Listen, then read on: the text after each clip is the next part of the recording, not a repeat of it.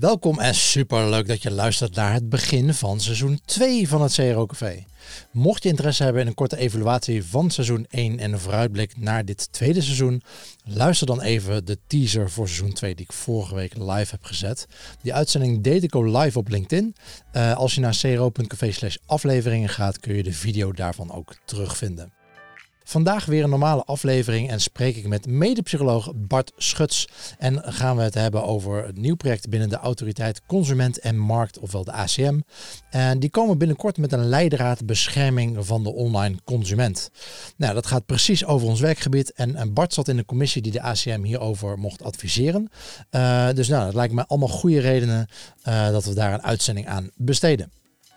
Ik ben Guido Jansen en welkom in het CRO Café, de podcast waarin ik een kijkje achter de schermen geef bij optimalisatieteams in Nederland en met hun specialisten praat over data en mensgedreven optimalisatie en het neerzetten van een cultuur van experimenteren en valideren.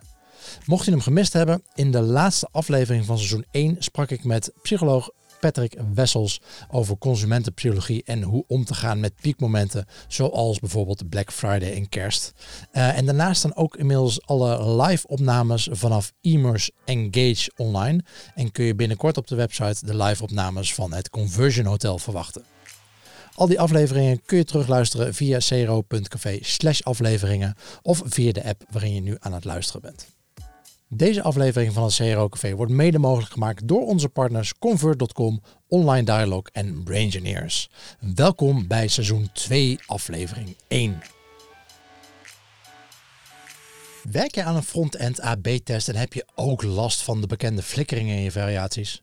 Dit kan natuurlijk je testresultaten beïnvloeden en een positief testresultaat neutraliseren. Probeer Convert.com's AB-testing software die Smart Insert technologie gebruikt en die flikkeringen voorkomt. Vijf keer snellere support via 24/7 chat, de helft goedkoper en het bedrijf is daarnaast maar liefst 15 keer carbon positive. Je doet dus jezelf, je bedrijf en de volgende generatie een plezier door hun website convert.com slash sneller eens te bezoeken.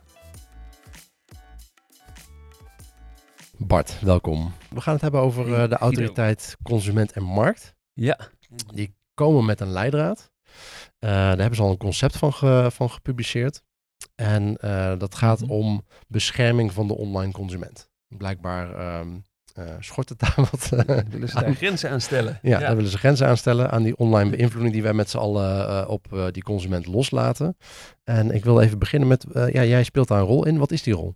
Ah, de oorspronkelijke, het, het oorspronkelijke contact is gekomen omdat ik binnen het NIP, dus het Nederlands Instituut voor Psychologen, een sectie uh, opgericht heb voor gedragsbeïnvloeders, sociaal en economische psychologen die bezig zijn op grote schaal burgers en consumenten te beïnvloeden. En daar hebben we ook een ethische code, maar is een beroepscode uh, opgesteld. Die zijn we aan het opstellen, is een vergelijkbaar proces. En vanuit de ACM ben ik ooit een keer gevraagd om daar te inspireren over onethische gedragsbeïnvloeding. Dus, uh, en toen kwamen zij erachter dat wij dat daar aan doen waren en dat ja. raakvlak was dus toen hebben ze mij gevraagd om vanuit, uh, met name vanuit die rol, maar ook vanuit de rol dat ik natuurlijk met, uh, met Online Duidelijk en Team Coco ook gewoon aan de zwarte kant zoek, maar zitten zeggen. Ja. We zijn ook bezig om mensen te verleiden, om ze te scheiden van hun tijd en geld. Ja. Dus het is, ja, zowel aan de ethische kant uh, ervaring en maar ook in de praktijk en het jargon en zo, want dat hebben ze, hadden ze ook behoefte aan. En vandaar dat ze mij vroegen om in die adviesraad te komen zitten, samen met drie professoren uit, uit het recht. Ja. Voel je een beetje op je gemak daar? Of, uh? Ja hoor, ja, ja, nee, ja, ik denk dat we uiteindelijk uh, de, de wereld, en uh, in ieder geval de maatschappij in Nederland, een stukje beter, gelukkiger, gezonder, financieel beter af kunnen maken door wat ja. meer samen te werken met allerlei kennisdisciplines. en ik denk dat ja. de wereld er wat meer psychologie kan gebruiken in deze. Dus dat ik was heel blij dat we er vanuit een gedragswetenschappelijke blik bij konden zitten. Ik vind het mooie van ons vakgebied ook dat we zijn zo data gedreven. We zijn allemaal gedragsdata, tenminste heel veel daarvan.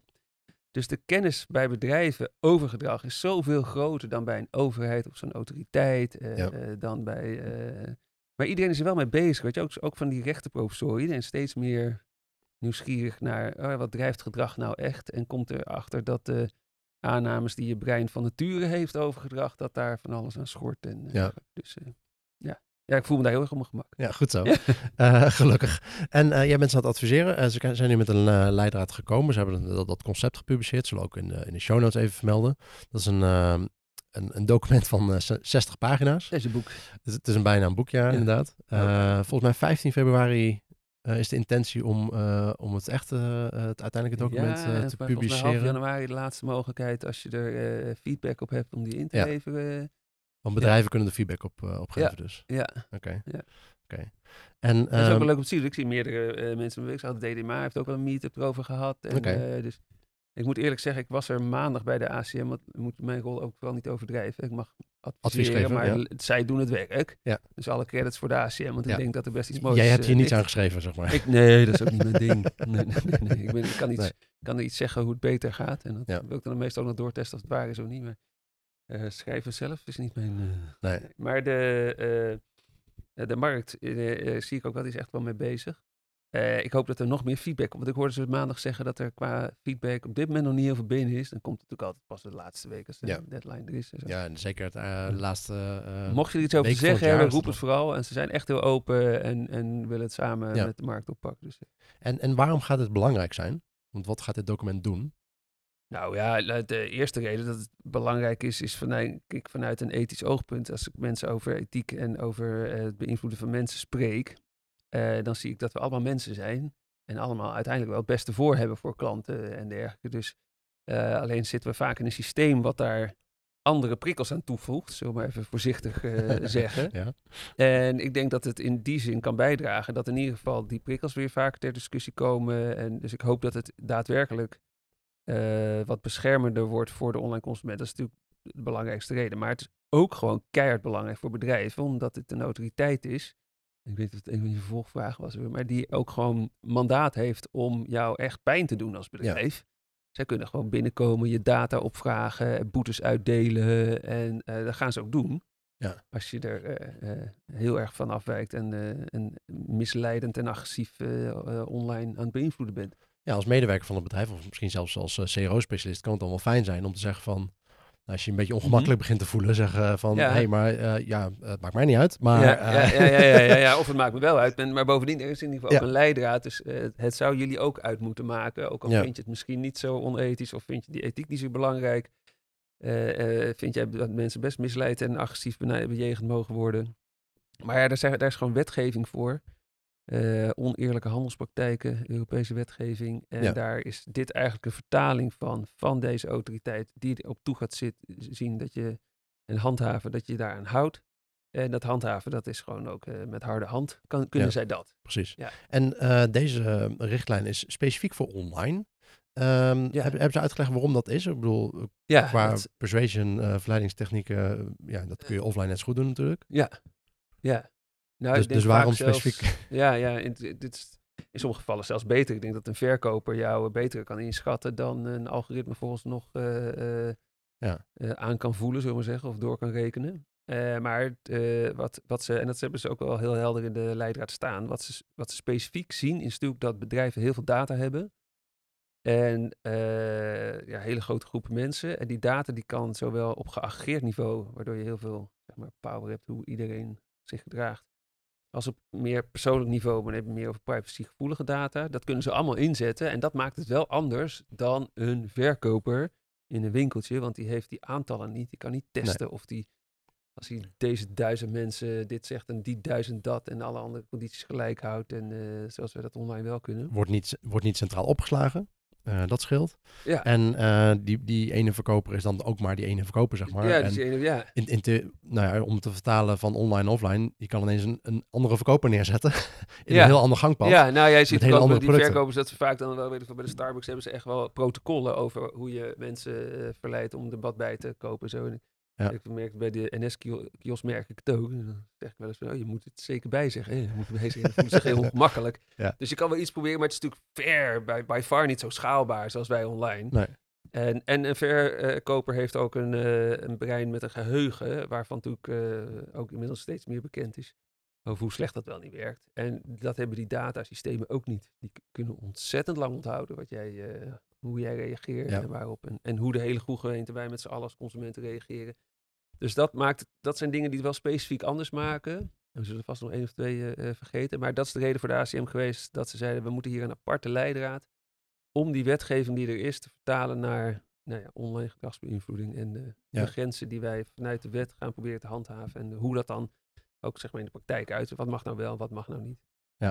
Ik heb datzelfde dat ongemakkelijke moment altijd bij het tankstation. Als, eh, als je met afrekening bent, Ja. eh, totaal niet mee bezig, dan staat er een of andere bak met iets. Ja, ja, Wat soms niet eens snoep is of zo. Soms hebben we ook hele gekke dingen eh, daar staan. Totaal ongerelateerd. Ja dan... maar ze moeten er wel naar vragen. ja, precies. We hebben bij- het ook bij, eh, niet naar het tankstation, die moet ook altijd vragen naar het loyal- loyalty systeem. I- Die, is- die is bij mij om de hoek. Ik denk daar wekelijks, zeg maar. Die weet al lang dat ik het systeem heb. Ik zeg, moet je daar nog steeds blijven vragen? Ja. Nee, Of dat je Maar bij- ja, zo ongemakkelijk kun je natuurlijk eh, eh, misschien ook wat vaker voelen over eh, als we toch wel een beetje misleidend of wat agressief aan het verleiden zijn online. Ja. Alleen dat voelt, want je hebt het persoonlijke contact niet zo. Je zit gewoon naar je Google Analytics data te kijken of weet ik veel, Adobe. je voelt dat niet, zeg maar. Je ziet Nee. gewoon hele grote aantallen cijfertjes en dan, dan kan het ook wat makkelijker, zeg maar, de, de, zeg maar, aan je ontgaan dat er ondertussen wel beïnvloeding plaatsvindt die voor de hele goede gemeente of kwetsbare groepen wel eens eh, wat misleidend zou kunnen zijn. Ja. Of, eh, ja. En ehm Booking is in december al eh, aangesproken door de ACM. Ja. Ondanks dat dit nog een concept is. Ja, ja, ja. nou, ik denk- dan denk dat het een vooropgezet plan was van de ACM. En ik, ik zou dat in ieder geval hopen. Want het zet natuurlijk wel wat kracht bij. Want je kan natuurlijk wel weer zeggen, ja, we hebben een leidraad en, en we gaan handhaven. Maar we zijn natuurlijk ook een Ja. markt waarin dat wel vaker geroepen is. En ondertussen wordt er Ja. opt- o- opt-out vinkjes bij nieuwsbrieven. We weten allemaal dat het niet mag. Maar wel eh, een heel groot gedeelte van ons laat het nog wel even staan. Want er wordt nog steeds niet op gehandhaafd. Cookie consent-achtige dingen. Dus Ja. heel lang is er is het handhaven juist, eh, er was de wetgeving wel duidelijk, maar er werd er toch niet gehandhaafd. Want er waren vaak nog wel vragen over de wetgeving. Maar nu hebben ze niet alleen de leidraad uitgebracht. Ze hebben ook gezegd 2020, 2021 wordt voor ons eh, een van de hoofdthema's de digitale economie. Daar willen we en meer van snappen, maar ook gewoon harder eh, op toezien. En dit is eigenlijk het startpunt van dat thema, Ja. een leidraad, eh, die veel meer duidelijk maakt over hoe wij daar naar kijken als eh handhaven autoriteit. En, en om dat kracht bij te zetten, hebben ze meteen een, een marktpartij, die, die wordt ook iedere keer genoemd. Ik vind, ik vind het altijd een beetje raar dat Booking altijd dan eh, als voorbeeld Ja, genoemd dat wordt. Ik even- zijn. Ja. er wordt natuurlijk heel veel doorgetest en eh, een hele mooie eh, eh, resultaten geboekt met hoe je mensen kan, eh, kan verleiden. Eh, ik, vind dat, eh, ik, ik hoop dat, dat mensen wat vaker een weekendje weg gaan met z'n tweeën. Ik, dat kom natuurlijk uit een psychologenfamilie, dus eh, als je bij aan tafel zit met vrienden, dan gaat het vaak ook over hoe het met hun gaat. Dan denk je, ja, pak nou zo'n hotelletje, laat je eens wat meer verleiden.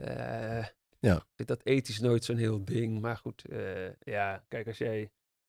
eh, je bent natuurlijk wel een soort hoge boom. Want ze hebben ook, en dat staat ook wel goed in de leidraad hoor. Die ACM is te klein om iedereen en alles maar te kunnen monitoren. Het wordt ook super complex, want we hebben, er is geen website meer hetzelfde. Weet je. Ja. We- Er zijn meer versies van Booking.com eh, dan er mensen op aarde zijn, zullen we maar zeggen. Dus hoe ga je daarop toezien? En daar hebben ze ook wel regels voor ingesteld. Van hoe meer technieken je gebruikt, hoe hoger je op de prioritering komt dat we ernaar gaan kijken. Ja. Hoe meer privacygevoelige data en, en eh, andere data je, je allemaal gebruikt, hoe eerder we naar gaan. Ja, dan heb je natuurlijk bij boeken natuurlijk wel. Ja.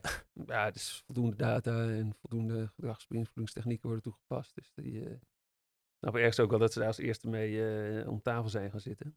Maar ja, ik vind het ook weer mooi, zo'n boeking pakt het ook wel op. Die hebben gewoon meteen gezegd, nou prima, gaan we dat en dat en dat aanpassen. En Hebben ze al laten weten wat ze aangepast hebben? Of? ja, ja, ik heb nog niet het hele stuk gelezen, maar het gaat eh, het gewoon wat, eh, hoe, zou, hoe noem je dat? Gewoon heel helder zeggen eh, wat de grondslag is van wat er staat. Noem ik het maar. Ja. Je hebt als mensen natuurlijk een bias, eh eh zo base rate neglect noemen we het wel eens. Weet je, als je hoort dan dat er zoveel mensen ergens naar zitten te kijken, dat je je niet afvraagt, ja, maar zoveel mensen waarvan? Van wat voor groepen? Zo, de- en dat gaan ze dus veel meer verduidelijken. Dus eh, weet je, als jij naar een hotel zit te kijken, in eh weet ik veel, jij gaat eh, met, je, met je kind en je meisje naar Barcelona en daar is het een hotel. Je boekt voor het weekend van oud en nieuw. En daar zijn dan nog twee kamers van dit type beschikbaar op booking.com. Staat er al bij vanwege de reclamecodecommissie Ja. ooit. Maar daar staat er ook bij dat er op dit moment, weet ik veel, 300 mensen naar, die, naar het hotel kijken. Ja, de- die kijken naar dat hotel. En als je dat goed leest, dan snap je natuurlijk dat dat niet specifiek voor jouw datum is. Maar je hebt wel net die datum geselecteerd. Dus die suggestie kan ergens wel wekt zijn. En dan wordt het wat ja, een grijs gebied. En dat zijn nou de dingen waarvan Booking heeft gezegd, nou, daar gaan wij dan gewoon eerlijk zeggen. Van, er zit- Uitleg over geven. ja, er zitten naar, zeg maar even on, dus daar moet er iets bij komen staan van onafhankelijk van de datum. Of, of er zitten nul mensen op dit moment te kijken naar exact dat weekend voor jou. Of, Ja, Maar ik, wat- heb- ik denk dan meteen eh, nou, twee problemen. Het eerste, eh, ik vind Booking al best druk, zeg maar. De website zelf. Als er dan allemaal uitleg bij komt staan, wordt het alleen nog maar drukker. ja, Eh, en, en ten tweede, dat zijn allemaal algoritmes. Misschien weten ze niet eens waarom. Dus Ja. wat voor uitleg ga je dan überhaupt geven als je niet weet ja. waarom dit Ja. überhaupt gebeurt? Ja, nou ja, kijk, dit soort handhavingspraktijken, die worden natuurlijk heel erg, die zijn natuurlijk ontzettend juridisch gedreven. Want Ja. anders kun je er ook niet op handelen. Je kan niet een boete uitdelen als er niet een soort rechtmatig eh eh, grondslag in het recht is. Dus voor mij was dat ook wel interessant om met drie van die eh, professoren rechten erbij te zitten, die ook allemaal heel goed commentaar op hadden op, op de lijf. Nee, niet commentaar, feedback, want het is denk ik echt wel knap dat ze in eerste instantie zo hebben neergelegd. Dus de- je, je hebt daar zo'n soort grondslag voor nodig. En in die grondslag zeggen ze, het bedrijf is verantwoordelijk voor dit soort beïnvloeding. Dus ook als jij bijvoorbeeld een zelflerend algoritme hebt, Ja. dat staat er letterlijk in, hè, dan ben jij wel verantwoordelijk voor wat dat doet. En moet je zelf wel in de gaten houden wat dat algoritme dan leert en wat het aan het doen is. Dat is jouw verantwoordelijkheid. Dat is ook de hele discussie natuurlijk met zelfrijdende auto's. Van wie is er in vredesnaam verantwoordelijk als er iemand wordt aangereden? Is dat Ja. Eh, de car manufacturer? Is degene die dat geprogrammeerd heeft? Is dat degene die toch achter het stuur zit? Ja, eh, en Ja. daar overzicht over zou moeten houden. In plaats Ja. van op zijn telefoon Ja. een spelletje aan het spelen is. ja dus dat, dat soort dingen spelen dan. Maar wat, wat je heel terecht zegt is, eh, eh, er zitten echt wel issues aan. Met name ook omdat je... En gaat die gemiddelde consument waar ze het de hele tijd over hebben in het document, gaat hij dat überhaupt snappen? Ja. Nee, dus, dus het gaat uiteindelijk, en hier kom je wel bij de kern van eh, eh, de leidraad, maar ook de kern van de uitdaging en eh, in mijn ogen, en, en denk ik in de jouwe ook wel, het probleem. En daar is ook gewoon nog geen antwoord op. Ze kennen het probleem, ze, ze onderkennen het probleem ook, alleen ze hebben nu gezegd, we gaan nu eerst even voor het handha- kunnen handhaven uit van de meer juridische grondslag. Dus dan kom ik zo even op die gemiddelde consument en Ja. dat aanmerkelijk negatief effect en zo wat erin zit. Ook omdat we anders, weet je, er zijn natuurlijk uitwassen. Er zijn best wel, weet je, als jij eh, dingen gratis aanbiedt en uiteindelijk is het helemaal niet gratis. Of als jij zegt dat er nog maar twee in je schappen liggen, terwijl je dat gewoon dagelijks bij bestelt. En dus het, eh, zitten er altijd maar twee in de schappen, zeg maar.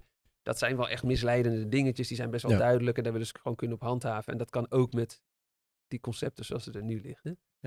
Dat is ook dat je, net zoals je een offline store hebt, gewoon dat je de, de twee stukjes in je, twee items in je schap legt voor in de winkel. Ja, Maar achterin liggen dan Ja. nog 200. Ja. Ja. Ja. Dat kun je ook doen. Ja, ja, en in deze platformeconomie wordt het nog steeds complexer. Want we hebben het over Booking.com. Booking.com die heeft geen hotel, niks. Nee. Het is natuurlijk net weer een hele leuke eh, uitspraak van Airbnb geweest. Die eh, de- met de grote hoofdsteden van Europa, die allemaal eh, meer wilden kunnen toezien en meer data krijgen. Waarbij het Hof heeft gezegd, ze zijn alleen maar een informatievoorziener. Ze zijn geen makelaar of zo van kamers. Dus eigenlijk hebben die steden het allemaal verloren. is best wel een ding. Ja. Iedereen kan gewoon weer zijn kamers gaan verhuren voor 120 dagen per jaar. Want Airbnb hoeft er niet te zeggen. Even eh, heel gechargeerd. De- en daar is toen, ja, dus waar ligt die verantwoordelijkheid? is inderdaad een groot ding. Maar wat je eerder noemde, vind ik eigenlijk nog interessanter. Het feit dat wij eh, wel overwogen eigenlijk een keuze moeten maken van de autoriteiten, de toezichthouders, eh, eh, de rechter. Dat is natuurlijk een groot probleem, want dat doen wij niet als Nee. mens. En daar gaan En- ze wel vanuit. En daar gaan ze wel vanuit. En hoe, hoe meer je die wet, de, die wet en regelgeving gaat eh, doorvoeren, hoe meer informatie wij over ons krijgen. Dat is natuurlijk nu al gaande. Ik geloof dat je 2500 uur per jaar alleen al kwijt zou zijn als je de voorwaarden van je app-updates eh, eh, allemaal zou lezen. dat is natuurlijk één grote farce. Dat gaat Ja. helemaal nergens. Niemand doet dat. Wie is Nee. Maar wie is er op dit moment nog aansprakelijk voor het maken van een verkeerde keuze? Ja, volgens nog wel de consument. Want die had, je, had, je hebt gezegd met de vinkjes zelfs, er weer tegenwoordig moet je actief op de, ja, ik heb het gelezen. Ja, wij zien in alle data hoe, hoe snel mensen kunnen lezen. Met, Of, en dan je waarschijnlijk... zonder dat- te scrollen. zonder te scrollen. Ja, nee, heel knap, hè. Dat is heel knap. Ja, dat is hele... Ja. ja. Ja, en dan kom je inderdaad op... eh, eh, dus dus het, het gevaar van het effect van dit soort... eh, dit verder en verder doordrijven... is dat je als mens inderdaad een overvloed aan informatie krijgt. En daar hebben we natuurlijk legio, in, in, dat vind ik het mooi van ons vakgebied, natuurlijk legio voorbeelden van dat het toevoegen van informatie vaak leidt tot het minder tot je nemen van informatie. En dat kan af en toe negatieve effecten hebben. Ik was vaker die hele oude test aangehaald van eh, een, eh, een bank waar die eh, onder andere online leningen verkocht. En dan moesten we iets vertellen van de AFM was dat dan, maar goed, dat is natuurlijk Autoriteit Financiële Markten. dus ja. hetzelfde autoriteit, alleen dan doen zij niet de consumentenmarkt, maar de financiële markt, Ja. of alleen de financiële markten binnen. En die eh, hadden op zich een terechte opmerking dat de nominale jaarrente niet goed werd uitgelegd. Ik ga hem niet uitleggen wat het is, maar je, betaalt een beetje rente op rente, dus uiteindelijk is de rente ietsje hoger dan wat daar staat. Tuurlijk hartstikke terecht, maar er stond een hele lap tekst bij, want dat is best wel even een uitleg hoe dat dan werkt. En dat voegden wij toe. We hebben dat in AB-test gerold en toen kwamen we erachter dat mensen nog minder op die pagina lazen, nog sneller eh, doorklikten en nog minder naar beneden scrollen. Precies wat je net bedoelde. Minder informatie tot zich namen. En wat Ja. is dan, ja, wil je daarheen? Want uiteindelijk neemt iemand dus een minder weloverwogen eh, beslissing op zo'n moment. ja, je schiet je doel voorbij. En dan schiet je je doel voorbij. En dat is natuurlijk het waarom ik heilig geloof dat er meer gedragswetenschappelijke kennis eh, eh, nodig is. Eigenlijk overal, ook bij, weet ik veel, de hele toeslagendiscussie binnen de overheid. Binnen de overheid is ook echt ontzettend nuttig. En het bedrijfsleven zijn we het al wel aan het omarmen. Enerzijds doordat we steeds meer eh, economisch gedragsbeïnvloedende psychologen eh, vacatures zien. Dus het is echt een grote vraag naar. Zijn ook heel effectief. Leveren vaak vijf, zes keer zoveel op dan eh, iemand met een andere achtergrond. Maar ook de, de methodiek, het, het, het randomized control trial, de AB-test, eh, als eh, hoogste vorm van bewijs eh, vinden voor beslissing, bedrijfsbeslissing. Dat is natuurlijk ook dat is gewoon gedragsonderzoek. Ja. Vroeger deden we stimulus-responsonderzoek, nu, nu noemen we het AB-testen. Maar het gaat allemaal, en, en natuurlijk zitten heel veel haken en ogen aan statistiek, en power en variantie shit en heterogene effecten. En dus het, maar dat wordt steeds door bedrijven verder ontwikkeld. De voorlopers in het hele gedragswetenschappelijk onderzoek zijn op dit moment misschien wel Amazon en Facebook. Ja. Dus ik, maar dat vind ik op zich heel, heel fijn om te zien. En als dat namelijk niet gebeurt, als de psychologie en die gedragswetenschappelijke kennis niet wordt toegevoegd, dan blijven we uitgaan van die eigenlijk die homo economicus of die, ra- de rationeel denkende mens. En dan ga je naar een wereld toe waar je meer en meer informatie tot je zou moeten nemen, wat we natuurlijk helemaal niet doen. En dan, dan wordt het echt, dan blijft het, of wordt het een nog ergere, ja, farce. Of eh, het, het is natuurlijk eigenlijk best wel een rare situatie nu. Ja. En dus, maar op zich is het goed dat die leidraad er is, dat er een start is. En Ja. dit zijn ook de discussies die ik binnen de ACM voer. Eh, ik ben een beetje lang je was even vragen stellen. Maar ik- je hebt namelijk nog vraag. Dus stiekem had je best wel wat vragen gesteld. Dus. en het is namelijk die gemiddelde consument. Ja, die gemiddelde consument. Laten we daar eens over hebben. Nee, ik Daar begin even eentje, eentje eerder. De belangrijkste pagina in de hele leidraad. Mensen Ja. even opletten. Op- Als je maar één ding leest. als je maar één ding leest, en dat zal misschien nog veranderen in de definitieve leidraad, maar er staat op dit moment is het eh, paragraaf, hoofdstuk 2, paragraaf 3.2. En dan onderdeel Sectie C. sectie C. ik ook tegen gezegd, je moet het even wat meer uitlichten. Er staat eh, in de concept eh, consultatiedocument, hoe het heet, eh, bladzijde 15. Ja. Dat is, daar staat, dat, dat staat er niet in de inhoudsopgave, maar wel als je C leest, staat de belangrijkste toets. Dus dat, is echt, dat is eigenlijk gewoon waar de hele leidraad op gebaseerd is. Dat heet de transactietoets. En die luidt, even vrij vertaald, dat als je eh, beïnvloedingstechniek toepast, eh, die ervoor kan zorgen dat een gemiddelde consument een besluit neemt over zijn aankoop die hij anders niet had genomen, dat er dan sprake is van ofwel misleiding of agressieve Ja. eh, eh, beïnvloeding. Ehm, en daar zijn, dat is natuurlijk op zich ergens prima als startpunt. Ja. Behalve dat ik hoop dat we in de toekomst gaan werken naar een andere definitie van de gemiddelde consument. Want die staat namelijk in 2.2 3.2d, dus één paragraaf verder uitgelegd wat die gemiddelde consument is.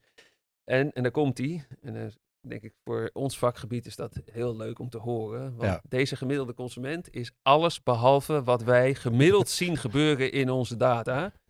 Dat is namelijk over het algemeen gesproken een die, redelijk geïnformeerde, omzichtige en oplettende consument. Nou, dat vraag ik bijvoorbeeld even... Ik, ik denk dat ze aan consumenten gevraagd hebben, hoe zie je jezelf? Ja, ja, ja, ja, ja, ja, ja. En dat in een omgeving met allemaal anderen erbij, waardoor je nog extra sociaal wenselijk gaat antwoorden. En dan ook vragen, van, neem jij redelijk geïnformeerd, omzichtig en oplettend beslissingen? Precies, ja of eh, nee? Ja, of nee. en ja stond, stond al aangevinkt. Validation in every organization is de missie van Online Dialogue. Online Dialogue helpt haar klanten om betere en snellere beslissingen te nemen. Om dit te bereiken maakt Online Dialog gebruik van data en psychologie in combinatie met bedrijfsadvies en verandermanagement. Samen met hun opdrachtgevers kijkt Online Dialog naar sales funnels, customer journeys, klantgedrag en bedrijfscultuur om zo de conversieratio te verbeteren. Voor meer informatie ga je naar onlinedialog.nl. Nou, waar, waar, we het net over hadden, over dat wij inderdaad zien dat mensen uh, niet alle informatie lezen, niet alle voorwaarden tot zich nemen. Uh, uh, hier gaan ze eigenlijk uit van een consument die dat wel doet. Ja. Ehm, waarmee er toch weer heel veel verantwoordelijkheid, denk ik, bij de consument komt te liggen. En ik zeg niet dat de oplossing is dat je alleen van de gemiddelde consument uit moet gaan. Want je, ik vind ook weer een, een farce om te zeggen, ja, uh, alle bedrijven moeten hun producten uh, uh, terugnemen en, en, geld terugstorten aan de consument als hij kan zeggen, ja, maar ik had die voorwaarden niet gelezen.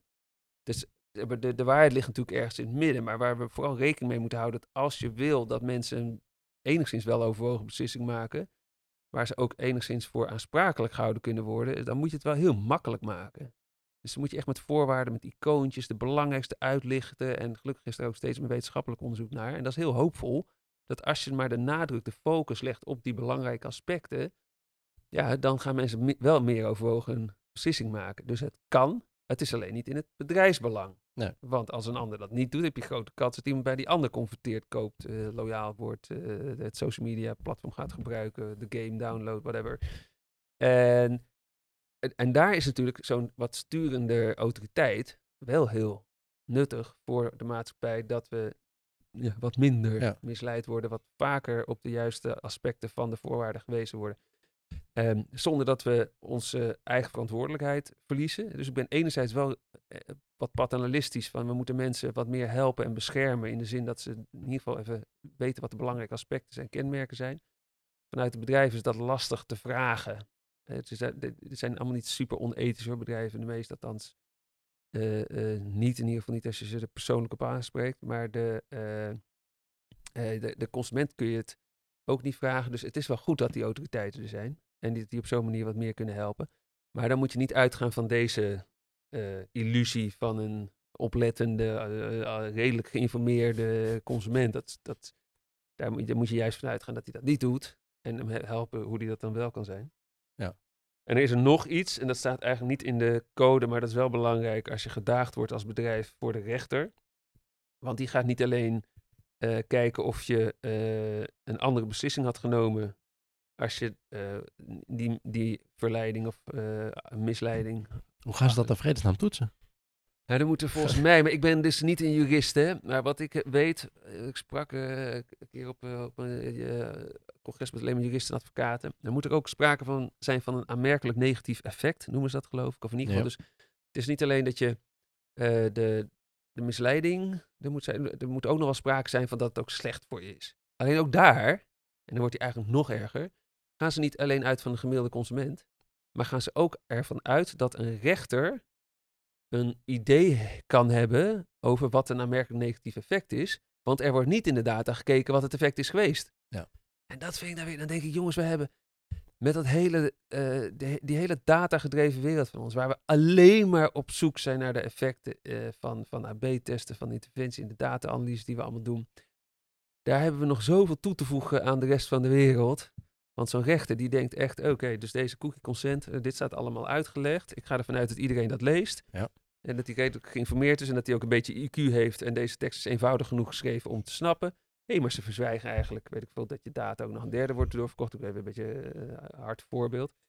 Um, uh, dan, ja, dan, dan heeft dat denk ik wel een negatief effect op het feit dat daar, zeg maar, dat dat er niet in staat. Het zou gewoon kunnen zijn, dat we dat al lang getest hebben, dat als je dat toevoegt, dat nog meer mensen akkoord gaan. Maar omdat het onder de scroll reach staat of zoiets en het nog langer wordt, weet je, een beetje zo'n effectje. Ja. Dat effect zou wel eens andersom kunnen zijn dan hij aanneemt op basis van deze uh, axioma's of deze uitgangspunten. En dat, vind ik, dat, dat is wat mij betreft wel echt de volgende slag die er gemaakt moet worden. Gewoon van een realistisch mensbeeld uitgaan. Hm. En loslaten dat je gedragseffecten uh, kan voorspellen. Ook als je een rechter bent. Uh, maar ook als je autoriteit bent. En dat vind ik dat mooi, die, die, die leidraad, die, daar staat ook een aantal keer in. Dat de autoriteit ook op zoek gaat naar samenwerking met partijen, met hun data. En als het niet goed schiks kan, ja, dan kan het bij hun ook kwaadschiks. En dan Ja. gaan ze gewoon komen ze gewoon bij je binnen en zeggen ze, ik wil de data zien. Ik wil, eh, en ik weet dat jullie dit gaan beter stellen, want dat hebben we gezien. We willen die resultaten ook zien. Dat kunnen ze, dat mogen ze, dat mandaat hebben ze opeisen. Ja. en dan gaan we wel een goede kant op. Ja. En dan gaan ze ervan uit dat heel veel eh, bedrijven hun data goed op orde hebben. En dat het makkelijk inzichtelijk is en zo. Verdienen we ook geld aan, aan die data voor te krijgen bij bedrijven. Dus, Ja, eh, precies. eh, dat weet ik allemaal dat wel een, het is. Maar het is nog erger om uit te gaan van geen data en van het, de illusie dat je menselijk gedrag, dat het eenvoudig is en dat je dat goed kan voorspellen. En daar kan ik me toch e- echt aan ergeren. Hè? Nou, dat is ook wat jij in het NPO-interview eh, zei. Van, eh, ja, het is, maar het is juist goed dat we al die experimenten aan het doen zijn. Het is heel jammer Ja, dat de consument Ja. eh, zo'n negatief Ja. beeld heeft van... hé, hey, er wordt op mij geëxperimenteerd. Ja. Ja, en dan wordt er aan mij gevraagd, heb je daar dan ook een eigen belang bij? Omdat jij twee bedrijven hebt die jij veel AB-testen doen. En nou, dat, dat is natuurlijk ook wel zo. Daar verdien ik ook heel veel geld mee. Maar eh, wat ik veel belangrijk vind, is wat we daar leren. En daarmee denk ik toch echt dat ik het heel intrinsiek en oprecht meen. Ik vind het echt onethisch om zonder effectmeting gedrag te beïnvloeden. Met Ja. name als er echt grote risico's aan zitten. En, en denk ik eh, dat je een hotelletje verkopen, nou, dus is het grootste risico dat je met je meisje een weekendje weggaat, wat je het misschien anders eh, wat uitgesteld had of zoiets. Of, Komen er echt in financiële problemen door? Ja, ik weet niet, ik denk dat het relatief vaker een huwelijk zal redden dan dat, iemand- dan dat het, ik weet geen idee, zouden inderdaad moeten kijken. Maar eh, eh, als bijvoorbeeld een overheidscampagne eh, bedoeld is om ons te laten stoppen met teksten achter het stuur, dan denk ik, nou, dat vind ik heel terecht, want we vermoeden, we weten we niet eens heel zeker, hè, er is nog niet hele harde data van, maar dat het feit dat de eh, verkeersdoden weer zo hard toenemen, dat dat mede komt door het gebruik van de mobiele telefoon achter het stuur. Ehm, dus dat is op zich een heel goed doel. En dan staan er van die borden langs de snelweg. God je. Met WhatsApp-logo's en, en dan pijlen naar parkeerlogo's. En Ja. Dat is wel een oude campagne die ik nu aan. Hebben ze, hebben ze borden met eh 90% eh, gebruikt WhatsApp achter het stuur? Ja, nou, ja, maar nou, dat is nog wat. Oh. Weet je welke echt erg is? Sorry als jullie luisteren. Ik hoop dat jullie luisteren, mensen van Sieren. Dat is Ja. geen overheidsinstantie. Dat is gewoon een, een, een goede doeleninstantie die volgens mij vanuit de reclamewereld eh, ontstaan is. Eh, intentie is niet ethiek. Als jij een goede intentie hebt, dan moet je echt nog steeds datagedreven blijven werken en effectmetingen doen. Want ik, even, eh, we hebben, nou, dan haak ik even af op die eh, auto-dingen. Weet je, ik denk, nog, nog heel veel die snelweg. Ja. Ik denk dat het effect zou kunnen zijn dat mensen vaker WhatsApp openen. Als er een Ja. WhatsApp-logo langs de kant van de weg staat. Ook al staat er een pijl naar, naast van eh, je moet de- naar de parkeerplaats. Want weet je, onbewust wordt gewoon weer WhatsApp geactiveerd. Bewust zul je misschien heel veel denken, ja, dat is inderdaad goed. Ja. Eh, Maar ondertussen blijft dat actief. En je hebt net een berichtje naar je meisje gestuurd of aan je, aan je vent. En, en dan is de neiging toch weer groter om te. Dus het zou meer doden tot gevolg kunnen hebben, die campagne. Ik vind het onethisch als je dat daar zomaar neerzet. Zonder even, desnoods, het hoeft mij niet eens een zuivere randomized control trial te zijn. Dat is heel lastig met een Ja. Oh, je hebt ook digitale borden. Ik zou je misschien eens nee, anyway. Je zou, in ieder geval moet je met Google... Een Een, eh, beetje een cru onderzoek om dan te kijken hoeveel mensen dan aan het eind van de snelweg eh, in de pak eh, gereden zijn. Ja, en dan denk je misschien was dat pas, pas positief. We moeten even hertesten. Ja, ja. het is vaak lastiger testen. We, hebben het vaak heel makkelijk in onze wereld. Als je het over doden of over Maar gezondheid... het helemaal niet doen, dat is... eh, Nee, want het kan... Ik, kijk, gedrags, de meeste gedragswetenschappers die ik daarover eh, eh, mee... Zeg maar, als het zo in de discussie omhoog komt, die zeggen... Ik, ik denk dat het meer gebruik van WhatsApp achter het stuur oplevert. Ja. Dus daar... Ja, weet je, en we weten niet of we gelijk hebben. Want het is nou eenmaal zo... dat nou ja, we weten hoe lastig het is om uh, AB-tests uh, te voorspellen. Ja. Zelfs voor mensen die dat als werk hebben, zeg maar. Ja, Ehm, dus Ja. ja. En dan heb je zo'n sierencampagne, doe eens lief. 30% van de conducteurs wordt bespuugd in de trein, bijvoorbeeld. Ik weet Ja. niet precies, ik, eh, je begint er nu over, ik moet even opzoeken naar precies het aantal, maar...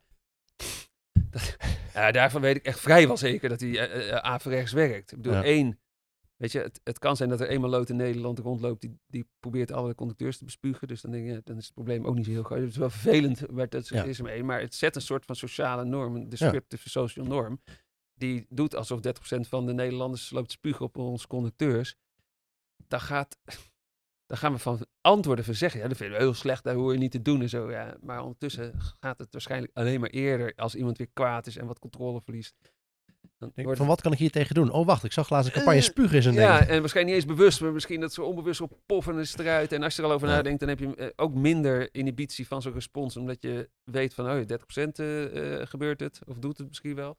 Als je die twee door de war haalt. Dus dat is, ik vind dat, dat soort dingen moeten we echt niet. En dan vind ik het weet je, je hoeft van mij niet een gedragswetenschapper te zijn als je maar het effect meet. Ja. En dat was even jou, eh, waar je net over begon. Het belang van eh, goed randomized controlled eh, experiments is gigantisch groot. Juist omdat mensen gedrag zo moeilijk te voorspellen is. Ja, nou, en dat vind ik ook wat lastig aan deze, die richtlijn, of lastig, maar ze, ze beginnen inderdaad over, het is heel erg economisch ingericht, zeg maar. Je wil, Ja. je wil ervoor zorgen dat mensen niet te veel betalen. Ja. Ehm, Ja. En ze noemen ook een paar, eh, er staan een paar biases eh, in die ze als eh, voorbeeld noemen. Ja. Maar de techniek die je gebruikt of die je toepast, dat zegt natuurlijk niks over je intentie. Eh, en dat kan als bedrijf, nou ja, wat je zegt, nou, hoe, hoe erg is het dat jij een weekendje extra eh, een hotel boekt in eh, Barcelona? Dat- Waarschijnlijk niet zo erg. Eh, maar er zijn veel ergere dingen te bedenken bij, ehm, eh, bij banken of maar in meer sociale situaties. Ja. Ehm, nou, gelukkig gaat volgend jaar de donorwet veranderen. Dat is de standaard wordt dat je wel donor wordt, zeg maar. Ja. En dat soort dingen Ja. hebben enorm, dat Defaults soort is defaults. voorbeelden die Ja, precies. Maar dat heeft een enorme impact, zeg maar. Ja. Maar die techniek zelf zegt niks over, is het Nee. goed of slecht? En wat, wat Nee. vinden we daar als samenleving van? Dus hoe, hoe, hoe gaan ze daarmee om, zeg maar? In het, Nou, eh, wat, document? ze, eh, wat ze zeggen is dat ze met de markt meer onderzoek willen. Dus iedereen die, het- alle CRO-experts, alsjeblieft, ze willen meer weten van onze resultaten van AB-testen. Dus voel je ook vrij om naar ze toe te stappen, bijvoorbeeld door te sturen. En juist die pikante voorbeelden waar we, en die hebben we natuurlijk legio, hè, waarbij het effect zo andersom is dan je, dan je dacht. Dus, en, en, als je dan in een markt zit waar je eh, kwetsbare groepen hebt, of producten verkoopt die echt een impact hebben op welzijn, of het nou financieel is, of medisch, of, of, of gezondheid, weet je, of, of, eh, of geluk, financiën, dan maakt het heel interessant voor ze.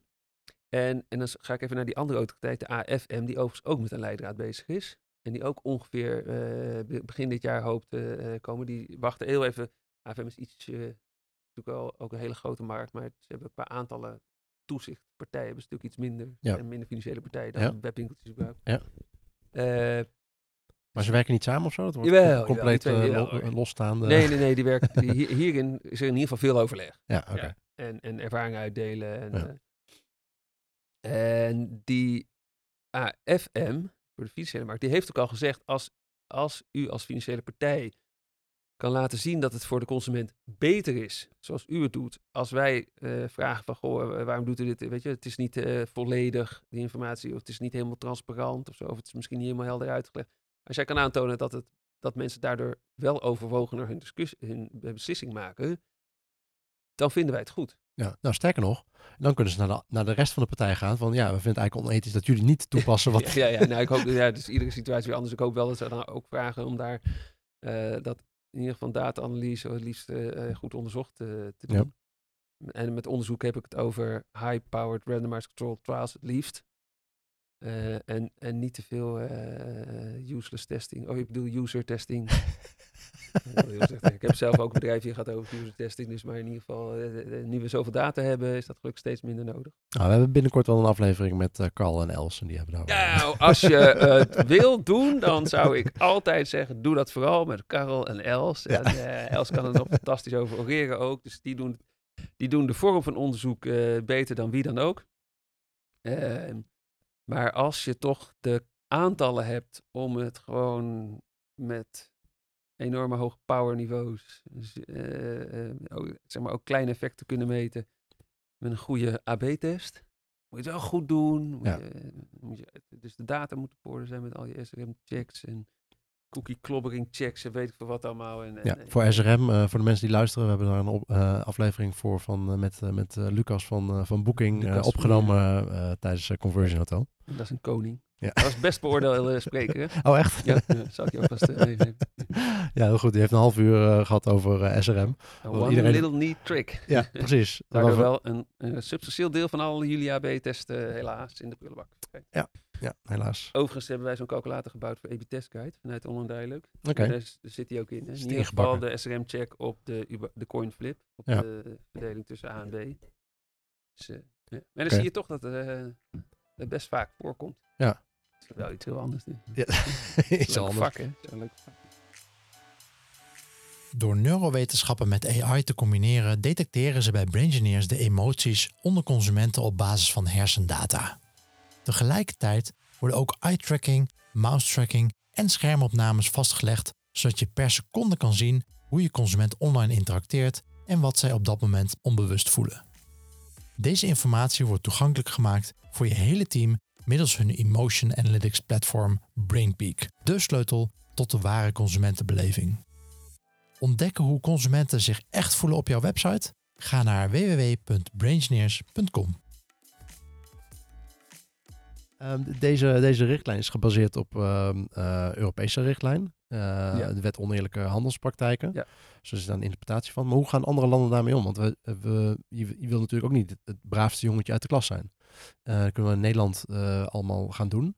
Dat is in ieder geval goed dat ze dat ze in Nederland gaan handhaven, zeg maar. Dat ze dat nu, nu met boeking bezig zijn. Ja. Ehm, dat, ze dat, eh, dat ze dat al voordat eh definitieve versie hebben. eh, nou, dat lijkt me hartstikke goed. Dat het inderdaad Ja. eh, gehandhaafd wordt. Ja. Want we zagen natuurlijk met de cookiewet en GDPR dat iedereen lekker achterover aan het leunen was van ja, ehm, ik kijk wel wat de concurrent doet. Eh, ik ga niet het braafste jongetje zijn, want eh, nou, die handhaving dat volgt pas later. Ja. En dat, dat zien we Ja. dan alweer. Ehm, Hoe doen ze dat in andere landen in Europa? Dat ja, weet want, ik want, juist met online, ja, die grenzen zijn niet Nee. heel erg eh, Nee. belangrijk natuurlijk. Ik kan net zo goed eh, in, in- dat in Duitsland kopen of in, in de UK. Of tenminste, nou, nu nog. Ja. nu nog UK, maar in de rest van Europa. Of uit de VS. ehm, ja. Nee, eh, daar heb ik geen antwoord op. Ik heb wel een ander antwoord op een andere vraag. Die ga ik ook lekker geven. nou, stel- Hij ligt er wel stel- heel dicht naast hoor. Oké, Dus, ja. eh, ik weet niet, we waren op, eh, op een congres in, in Amerika. Ja. En dat is een wetenschappelijk congres. Maar ook met Amazon en Facebook en zo daar. Oh, Lucas Vermeer van Booking Ja. liep daar ook rond. Ja. Gezellig. Maar daar, eh, daar werd een presentatie gegeven over in feite de, een enorm risico wat er in Amerika eh, is. Wat er dreigt te gebeuren. En dat gaat wel over eh, AB-testen. Mhm. Maar het gaat eigenlijk over alle vormen van onderzoek waarin, waarin mensen deelnemen. Omdat het wel eens zou kunnen gebeuren het komend jaar dat je in Amerika alleen nog mensen in een onderzoek mag hebben. Als je daar hun eh, applied consent, dus hun, zeg maar, hun geïnformeerde toestemming voor eh, hebt. Waarbij die toestemming is gegeven met volledige kennis van zaken. Oké, maar is dat eh, een beetje, het gaat dezelfde kant op als dat we een cookie pop-up laten zien waar eh nee, 99% het gaat de kant op dat je bij iedere AB-test Ja. die er is, Oh, per AB-test moet uitleggen wat de crux van Ja, de AB-test is. Ja. Voordat mensen toestemming, want anders geven ze namelijk toestemming op, ja, op een ongegronde, ongeïnformeerd. En dat is, eh, ja, dat is voor onze markt, eh, ik noem het excusele mo, lullig. ja. Dus Daar worden we natuurlijk niet blij van. En dan daarmee eh, trek je het hele AB-test om, om zeep en dan moeten we weer andere manieren gaan. Nee, en de vraag is ook van, van hoe ethisch, of, of nou, hoe ethisch, maar, het probleem effectief vooral, is- dit geldt ook voor de wetenschap, hè? Waarmee alle Oh, gedragswetenschappelijke onderzoek Oké. totaal onzinnig wordt. Ja. De, dat was, de helft was natuurlijk al een beetje onzinnig, want als je met psychologie-studenten onderzoek doet, wat het gros van de gedragswetenschappelijke onderzoek is, die zijn alleen maar bezig. Oh, Guido, laat nou een pen vallen. Oh, dan word ik natuurlijk geacht hem op te pakken. Oh, wat heeft hij net gedaan? Want dat zal dan wel de, de conditie zijn. Eh, Ja, je wordt continu ge- gefopt en het zijn inderdaad, eh nou, het zijn, psychologie-studenten zijn vooral eh, vrouw, tussen de 18 en eh, 22 jaar. dus daar wordt de veel, onderzoek op gedaan. En ik, het onderzoekje wat ik me vooral herinner, ik weet niet of ik al een keer eerder heb verteld, maar dat, dat was een onderzoekje en je wordt continu genept ook natuurlijk, want Je ze vertellen dingen. En het de- gaat nooit over waar, Het waar ze zeggen gaat hierover, maar daar gaat het nooit over. Nee. En eh, ik kan me vooral herinneren een, een onderzoekje naar chocola. Dan moest je zeggen van, eh, nou, hoe, hoe lekker vond je dit stukje chocola of zo? Ik weet niet meer, het is al 15 jaar geleden natuurlijk. De Eh, merkbeleving. Ja, het ging, ging, ging over merkbeleving. Van, oké, hier heb je een stukje eh eh verkade. Nou, dan moest je dat proeven. En hier is een stukje eh, Milka of whatever. Maar wat ze niet helemaal bij stilstonden of gewoon genegeerd hebben, van een stukje chocola is een best wel bekende vorm. Een stuk, iedereen Oh, ja, weet hoe een ja. stukje Ja. Cordor eruit ziet. En sterker nog, op sommige stukjes staat dit gewoon dit Milka. en dan zo'n ontzettende eh, Tony Chocoloni eh Precies. van blokjes. Dus dat, eh, ja. Of misschien was dat juist weer het onderzoek, ik weet het niet. Maar Ja, ehm, ja, ehm, Ja. dat soort dingen kom je dan tegen en, en daar wordt veel op gebaseerd. Maar Zo weet ik nog dat ik een keertje, want ik, mijn tijd was het allemaal nog niet, ik- studeerde psychologie in de jaren negentig, consumentenpsychologie economische psychologie. En dan stond je bij de printer, want we kopieerden al elkaars aantekeningen, althans ik kopieerde andermans aantekeningen doorgaans. En, en dan sta je in zo'n rijtje en dan kwam er weer iemand vragen of die voor mocht. Maar dat onderzoek krijg je ieder jaar. En dan gaat het erom dat je een, een reden geeft, dat je het woordje want gebruikt. Mag ik even voor want of omdat? Eh, omdat. En, dan, en daarna geef je een reden. En dan had je altijd drie condities. Eén was een zinnige reden. Weet ik, ik, ik heb haast een jaar. Of zo, en, en, maar er was ook altijd een onzinnige reden. Maar dan sta je daar in de rij. Denk, ik, oh, die doet mee in een onderzoek. Ma mag, ik, mag ik voor, want ik moet wat uh, printjes maken. Dat, Ja. was, dat is de onzinnige Ja, variant. de onzinnige. ja. ja. Ja, en de, de variant, ik, ik vond dat En verbazingwekkend. eh, maar- maar iedereen in die, die- in die rij kende dat onderzoek. Dus dat hele onderzoek dat sloeg meteen nergens op. Je Ja, nee, en dan, en, maar dan gaat het dus hier ook over. Van als je inderdaad van, van tevoren aan mensen gaat vragen waar, waar het onderzoek over gaat, dan kun je net zo goed het Dus hele onderzoek niet Je doen. helpt die hele wetenschap om zeep. En dan wordt het. Dan zijn we weer terug bij af. Dan gaan we dus weer uit van assumpties over gedrag. Die we, zoals we weten, heel slecht kunnen voorspellen. Ja. En dan ga je dus eh, eh, wet en regelgeving en sturing en beïnvloeding van gedrag doen op basis van ja, Ja, gut feeling en weten allemaal hoe goed dat werkt. drijfzand. Ja. Waardoor we wel eens hele onethische effecten kunnen hebben die we dan niet Ja. weten van tevoren, waar het- waardoor dat komt. eh. dus dat is echt een kant die je wat mij betreft niet op wil gaan. Het is niet het instrument wat onethisch is. Nee. Het zijn de effecten, eh, het, het, het zijn misschien de intenties, alhoewel ik vaak ook zie dat mensen met hele slechte intenties stiekem iets heel goeds doen. En denk, nou, dan gaan we er lekker niks van zeggen. Iedereen blij, consument blij, want die is beter af. Ja. Gewoon blij, want die denkt dat hij eh, een of andere gemene truc heeft uitgehaald. Ja. Eh, maar de, laten we vooral meer proberen te achterhalen wat mensen nou eh, eh, drijft en beïnvloedt, dan, dan minder. Ja. Eh, met die kennis gaan we het hopelijk zo toepassen dat we een betere samenleving creëren. En niet eentje waar we iedereen alleen maar scheiden van, van hun tijd en geld. En, en daar moet ook wel wat gedaan worden. Ja. Ik denk niet dat we heel gelukkig worden van dat we nu allemaal maar zo verleid worden dat we echt alleen maar in, op, op, in appjes en gamepjes eh, zitten en eh, minder real life contact. En we hebben misschien oude lul in. Nou ja. vooral meer onderzoek kijken. Nou ja, wat maakt mensen gelukkig, gezonder? Ik, eh, ik, heb afgelopen weekend eh, Indistractable van eh Nee Ayal Ja, ja. gelezen. Naar aanleiding van ook de presentatie van Roger op... eh, ehm, Ja, ja, ja, eh, ja. eh, moeten we het wel Persuasion Island noemen? Of, hoe- we doen steeds meer met de community. En, Of- eh, en ik ben niet de kaarttrekker. Tom. Wesseling, koning, is een kaarttrekker. maar. Conversion Hotel, daar was eh, Roger Dooley, die had het over dat, eh dat Indistractable. En Nick dat- heeft ook een keer gesproken op uh, Ja, ja. Eh, maar Neer gaat er in het boek ook over van... eh, het helpt heel erg als je er be- bewust bent. Hij had het probleem dat zijn, zijn dochtertje inderdaad te veel op zijn telefoon eh, zit. En Ja. hij ging gewoon met haar zitten van... Oké, maar wat wil je nu eigenlijk bereiken? En eh, vind, vind je school belangrijk? Ja, dat vind ik ja. belangrijk. Eh, nou, maar dan moet je dus ook huiswerk doen. Ja. En, en hoe belangrijk is het dan? En als je dan die prioriteiten stelt, Ja. als je gewoon afspreekt samen, dat het best wel oké gaat. Dat is dan ook zelfs gewoon bewust die prioriteit Ja, stellen. Van ja. ja, ik vind eigenlijk dat social helemaal niet zo belangrijk. Ja, jij, bent, die jij apps. bent cognitief psycholoog, toch? Ja. De cognitie, dat is, dat is rotpsychologie. Dat is allemaal eh, verschrikkelijke termen voor hele normale dingen. Dat is gewoon denken. dus die hele, die hele psychologie had niet bestaan als we met ons bewuste denken niet eh, al dit soort gedrag eh, in de hand konden houden. En Ja. al die reflexen, impulsen, emoties kunnen inhiberen. eh. Ja. En ik denk dat je ze niet altijd allemaal kan controleren. Maar voor dit soort belangrijke dingen, die echt gewoon substantieel effect hebben op, op je welzijn, zijn, is het heel belangrijk. Ja, Ja. en je valt gewoon terug in, maar als- als je daar niet bewust over nadenkt van, en daar grens aan stelt, zeg maar. Ja, van, een en, nieuwe en, en je- heel veel mensen vinden het niet fijn om continu eh, op Instagram of eh, TikTok of whatever te zitten. Als je daar gewoon even over nadenkt, dan denk je, shit, ja, weer niks Ja. gedaan vandaag. Ja. En dat voelt ook niet fijn, maar toch word je elke keer weer ingezogen. Ja. Ehm, eh, Bart, even terug. Terug naar die terug naar de ACM. Waar ik, waar ik, de laatste vraag die ik eigenlijk, eigenlijk heb. Ja. Ehm, deze leidraad gaat natuurlijk heel erg over. deze leidraad is, is gericht aan bedrijven. Maar moeten we het eigenlijk niet hebben over het voorli- beter voorlichten van consumenten? Moeten we de consument niet gewoon sterker maken? En eh, gaat dat zin hebben? Want we hebben het net over gehad van ja, de gemiddelde consument eh, maakt niet zo bewust keuzes. Maar kunnen we zowel op de een of andere manier wapenen? Eh, ik weet dat jij het een keertje geprobeerd hebt Dat met een, spel voor kinderen. Ja. Om, ze, om ze te leren van oké, wat, wat, wat voor trucjes Ja. worden allemaal toegepast. Ja, Maar- ik heb er geen bewijs voor. Maar ik, het is mijn overtuiging dat dat meer gaat helpen. Dat het heel belangrijk is dat we iedereen hier meer kennis over laten krijgen. En ik zie dat ook echt als taak van de. Weet je, ik, je, je weet hoe een hekel ik aan het woord conversie heb. Hè? Dus de, de CRO-markt. En een cognitief psycholoog blijkbaar. Nee. Ik ben gek, ik ben huidschoon. Oh, de- de niet term. alle, alle psychologen gek trouwens, maar ja, cognitief psychologen juist wel. Ja. Nee, ik ben, ik ben een, beetje, een beetje hekel aan. Ik denk ook niet dat het helpt dat we in de psychologie zoveel jargon gebruiken. Ja. Wij noemen emotie geen emotie, maar affect. En we noemen denken cognitie. En, en zo kan ik echt nog uren doorgaan. Mijn vader, die psycholoog is, die deed een cursus op Teliac. Voor de oude luisteraars onder ons, dat was ook op televisie. Ja.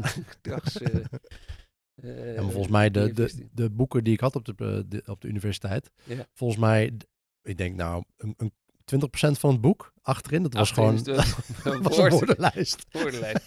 nou, dat ja. En mijn vader is toen ook een keer bij Sonja Barend geroepen. eh, eh, echt voor de oude mensen die die kennen dat misschien nog wel. Om in, in gewoon Nederlands uit te leggen wat hij nou eh, bij die Teliac-cursus eh, bedoelde. Want daar was geen touw vastknopen. Nou, dus eh, Ja. sindsdien ben ik me heel bewust van het feit dat... eh, dat- hoe- hoeveel jargon er wel niet is. Ja. Maar ehm, ik ben even terug naar dat, eh, het, eh, eh, zeg maar de kennis bij de consument en de burger. Ja, dat is extreem belangrijk. Ik vind het echt belachelijk dat er op lagere en middelbare scholen gewoon geen aandacht is voor gedrag, emoties. Hoezo? Wij zijn allemaal mensen. Dit gaat allemaal over ons geluk, over hoe we geld uitgeven, dingen kopen. Dit gaat over eh, eh, hoe we medisch gezond blijven. Er is een gigantische wetenschap over gezond gedrag. En al die modellen die we in de CRO-wereld ook gebruiken, BJ Fogg, Behavioral Change, Wheel, noem ze allemaal op, zijn stiekem allemaal modellen uit de gezondheidswetenschap, eh, psychologie, eh, schap, zeg maar. Wat natuurlijk ook een beetje een nadeel is, want het zit heel vaak op, nou, doen we even BJ, eh, motivatie en ability. En eh Behavioral Change heb je nog opportunity erbij. Dat werkt vooral voor dingen waar je bewust controle over moet hebben. Als je probeert mensen onbewust te verleiden, heb je weer wat minder aan die modellen. Maar je ziet dat er dus heel veel kennis is, waar we gewoon mensen eigenlijk niet in opleiden. Dus mijn kind moet wel leren eh Almelo, Hengelo, Enschede. Maar niet waarom die een beslissing neemt en hoe dat komt. En, en hoe dat situatieafhankelijk is. En waardoor die, denk ik, naar de toekomst veel minder goed voor. Wat heeft hij er later aan dat hij Almelo, Hengelo, Enschede nog kan dreunen, zeg maar. Ja. Maar hij komt wel huilend thuis als hij daar een onvoldoende voor had. En jongen, ja, kom hier, maak er geen donder uit. Ja, net zo goed als dat we allemaal weten dat de Pythagorassen maar geen idee hebben hoe een belastingformulier moeten invullen. Ja. Ja, Pythagoras is toch ook nog zo'n, zo, die had, want die had meerdere dingen, en, maar die had, is toch zo'n fout. Nou, a kwadraat b is b kwadraat plus c ja, ja, ja, maar hij heeft eh, die stelling van hem, maar hij had nog meer dingen. En er was er ook eentje waar hij geen gelijk in had. En degene, de opponent of zo, dat is zo'n verhaal dat hij die eh, op zee mee heeft genomen en van boord heeft gegooid. Weet wel? Oh, dat is leuk. Ja, die ga ik opzoeken. en dan gaan we vast... Dat is vast een YouTube filmpje erover dan. Dat was weer iets, hè? Gaan we dan linken. Ja, ja. Dus wat er uiteindelijk blijft hangen bij mensen. Ja. Nee, dus ik ben het er volledig mee eens. En ja, we hebben toen een keer zo'n poging gedaan met een eh persuasion, dat noemden we Online Detective. Een eh, spel voor klassen in de lagere schoolleeftijd. Ja. Eh, in alle eerlijkheid is dat project eh, geflopt. En dat kwam dan door de juridische afdeling van de Willem de Koning Academie. Hogeschool voor de Kunst in Rotterdam. Want die leert mensen waarmee wij, en we hadden een heel team ook hè, van die eh, Hogeschool eh, Kunstacademie studenten. Superleuk om mee te werken. Het zag ook allemaal fantastisch uit. Ja. Het concept was mooi uit. We hadden natuurlijk die persuasive kennis en, en uh, toegevoegd. En die leren ook over intellectual property. En dat je als designer, creatief iemand dat wel goed moet beschermen. Ja. En ondanks dat die meiden met name die in dat team zaten, iets hadden van wij willen hier heel graag mee door, zeiden Willem de Koning Academie, dit is intellectual property, onder andere van Willem de Koning. Dus dan moeten we, en toen kwamen we in een, wij deden dit voor, uit goede wil, weet je wel. En we hebben gewoon vanuit onduidelijk soort van vrijwilligerswerk uren daarin gestopt. Uh, dat was het hele concept. En in één keer moesten er allemaal financiële afspraken over winst en dingen. Maar jongens, daar gaat helemaal... Daarom is het hele project gestrand, hè? Ja. Zo zonde. Zonde. Maar ik denk dat het ontzettend belangrijk is dat wij uh, over de hele wereld hoor, mensen gaan opleiden in wat drijft jou nou je gedrag? Wat beïnvloedt je daarin? Want dan kun je het ook veel meer, en dan hopelijk niet altijd, maar op de juiste momenten, even die controle terugpakken en met je Ja. cognities, oftewel gewoon met je, even met je bewustzijn, eventjes denken, oh wacht, is dit nou wat handig?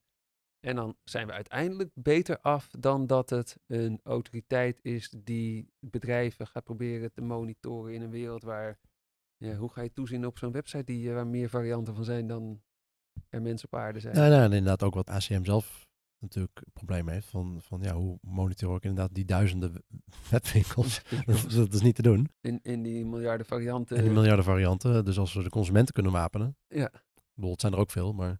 Het zijn er ook veel. Ja, nou ja, maar het is, kijk, uh, van mediawijsheid krijgen ze wel over dat je uh, er ja. niet van moet uitgaan dat iemand online ook echt diegene is en dat je niet altijd veel bloot voor jezelf moet posten en zoiets. Dus, weet je, er is best ruimte vaak om, om dingen in te brengen.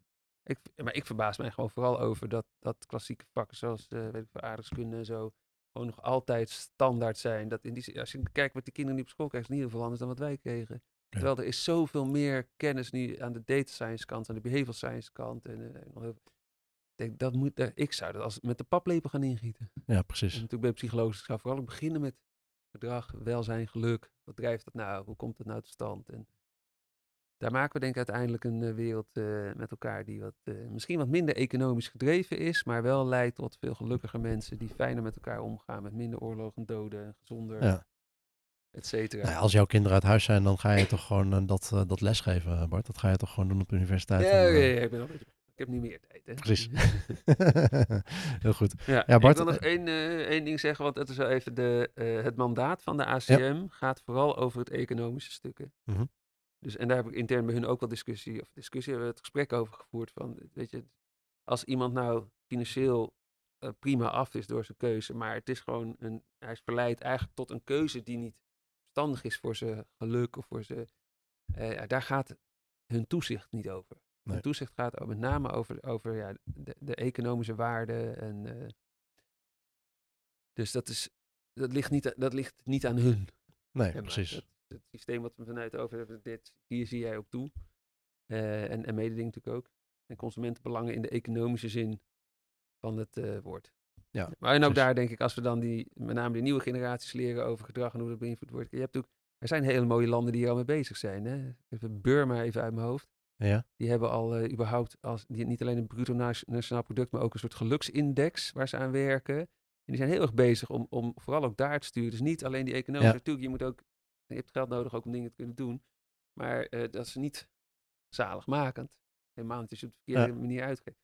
Dus ik hoop, maar dat is echt weer een hele persoonlijke en een beetje politieke. mening. ja volgens, mij, eh, volgens mij had ik het laatst in eh, BNR ook over gehoord. Van, eh, van- volgens mij was daar niet het voorbeeld Burma, maar een of andere andere, misschien Singapore of zo. En dat was een heel klein land. Maar ook dat, er is ook blijkbaar in Nederland ook een instantie die dat, die dat soort cijfers uitbrengt van bruto nationaal geluk of zo. Ja, ja, nee, dat is een wereldwijde studie ja. ook altijd.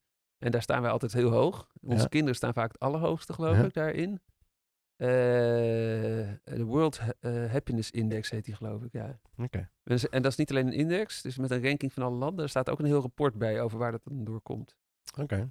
En gelijkheid tussen groepen en zo is, is een van de redenen waarom wij in Nederland zo hoog scoren. Dat we minder ongelijkheid hebben. Dat leidt tot meer geluk. Maar, maar de correlatie of... eh, ka- Ja, ik- ze hebben het niet ge-AB-test. en dan kom je weer in de hoek van de wat ingewikkelder AB-test. Ja, precies.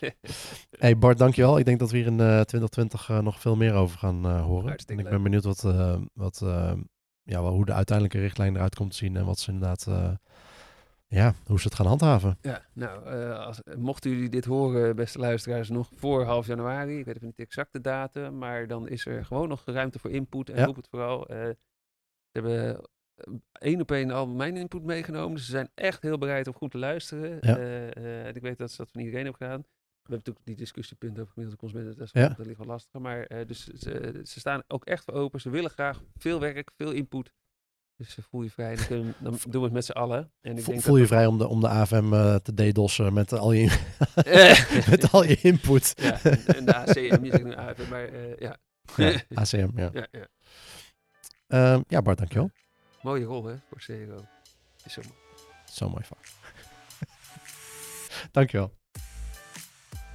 Zometeen ga ik je vertellen waar de volgende aflevering over gaat. Maar uiteraard heb je eerst nog een Neuronugget te goed waarin Philip Jordanov van Neurofight Academy wekelijks één psychologisch principe uit hun trainingen met ons deelt.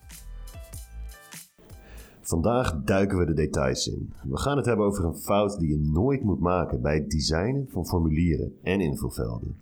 En we bespreken de oplossing. Gebruikers vinden het invullen van formulieren vaak al geen pretje. Het afstaan van persoonlijke gegevens is een gevoelige zaak, waar wetgeving veel aandacht aan besteedt. Denk bijvoorbeeld aan AVG en GDPR. Een CRO-specialist weet echter dat formulieren waardevolle tools zijn voor lead generation en customer relationship management. Door psychologische principes mee te nemen in het designen van deze formulieren kun je het bezoekers zo makkelijk mogelijk maken en ze motiveren. Toch is er een designfout die eerst voorkomen moet worden, namelijk het gebruik van placeholder teksten. Dit zijn voorbeeldteksten die zich in het invulveld begeven en gebruikers instructie zouden moeten geven over wat ze moeten invullen. Het gebruik van placeholders kan de volgende problemen opleveren. De gebruiker klikt in een invulveld waar bijvoorbeeld de tekst gebruikersnaam staat. Maar zodra de gebruiker klikt, verdwijnt de placeholder tekst weer. In het werkgeheugen van het brein van de gebruiker wordt deze tekst maar kort vastgehouden en vervolgens weer vergeten. Vaak weet de gebruiker hierdoor dus niet meer of hij nou zijn gebruikersnaam of e-mailadres moest invullen. Vervolgens moet hij of zij dan eerst buiten het invulveld klikken, wachten tot de placeholder weer verschijnt en dan opnieuw klikken op het veld waarna eindelijk de gebruikersnaam kan worden ingevuld. Dit zorgt voor frictie, frustratie en vertraging. Een ander probleem met placeholder-teksten is dat ze vaak onvoldoende contrasteren met hun achtergrond. In eerdere Neuronuggets bespraken we dat onvoldoende contrast zorgt voor problemen in de aandacht van de gebruiker. De kleur van de tekst is vaak grijs en het invulveld wit, waardoor de tekst moeilijk te zien is. Een handige tool om te checken of een contrast voldoende is, is de WACG 2.0 Contrast Checker. Daarnaast kan een placeholder tekst in een invulveld de illusie creëren dat een veld al is ingevuld. Hierdoor is de kans groot dat de gebruiker een veld overslaat. Dit betekent dat wanneer de gebruiker het einde van een formulier bereikt, hij of zij op zoek moet naar het gemiste invulveld om dit alsnog in te vullen. En waarschijnlijk ook nog weer tegen een van de vorige problemen aanloopt. Kortom, ook al zijn die placeholder teksten gemaakt om invulvelden makkelijker te maken, maken ze het alleen maar moeilijker. De oplossing is gelukkig eenvoudig. Als je bezoekers duidelijk wil maken wat ze moeten invullen, plaats deze informatie dan buiten het invulveld en het liefst erboven. Als er extra aanwijzingen of informatie nodig zijn voor een invulveld, zoals de vereisten van een sterk wachtwoord, is het belangrijk dat ook deze tekst buiten het invulveld staat. Wil jij nou leren hoe je conversie en UX kunt verbeteren door psychologische principes toe te passen?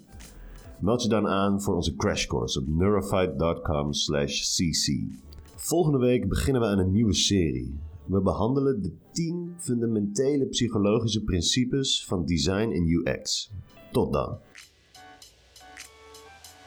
Dankjewel Philip voor je wekelijkse nudge. En dit was seizoen 2, aflevering 1 van het CRO Café met Bart Schuts.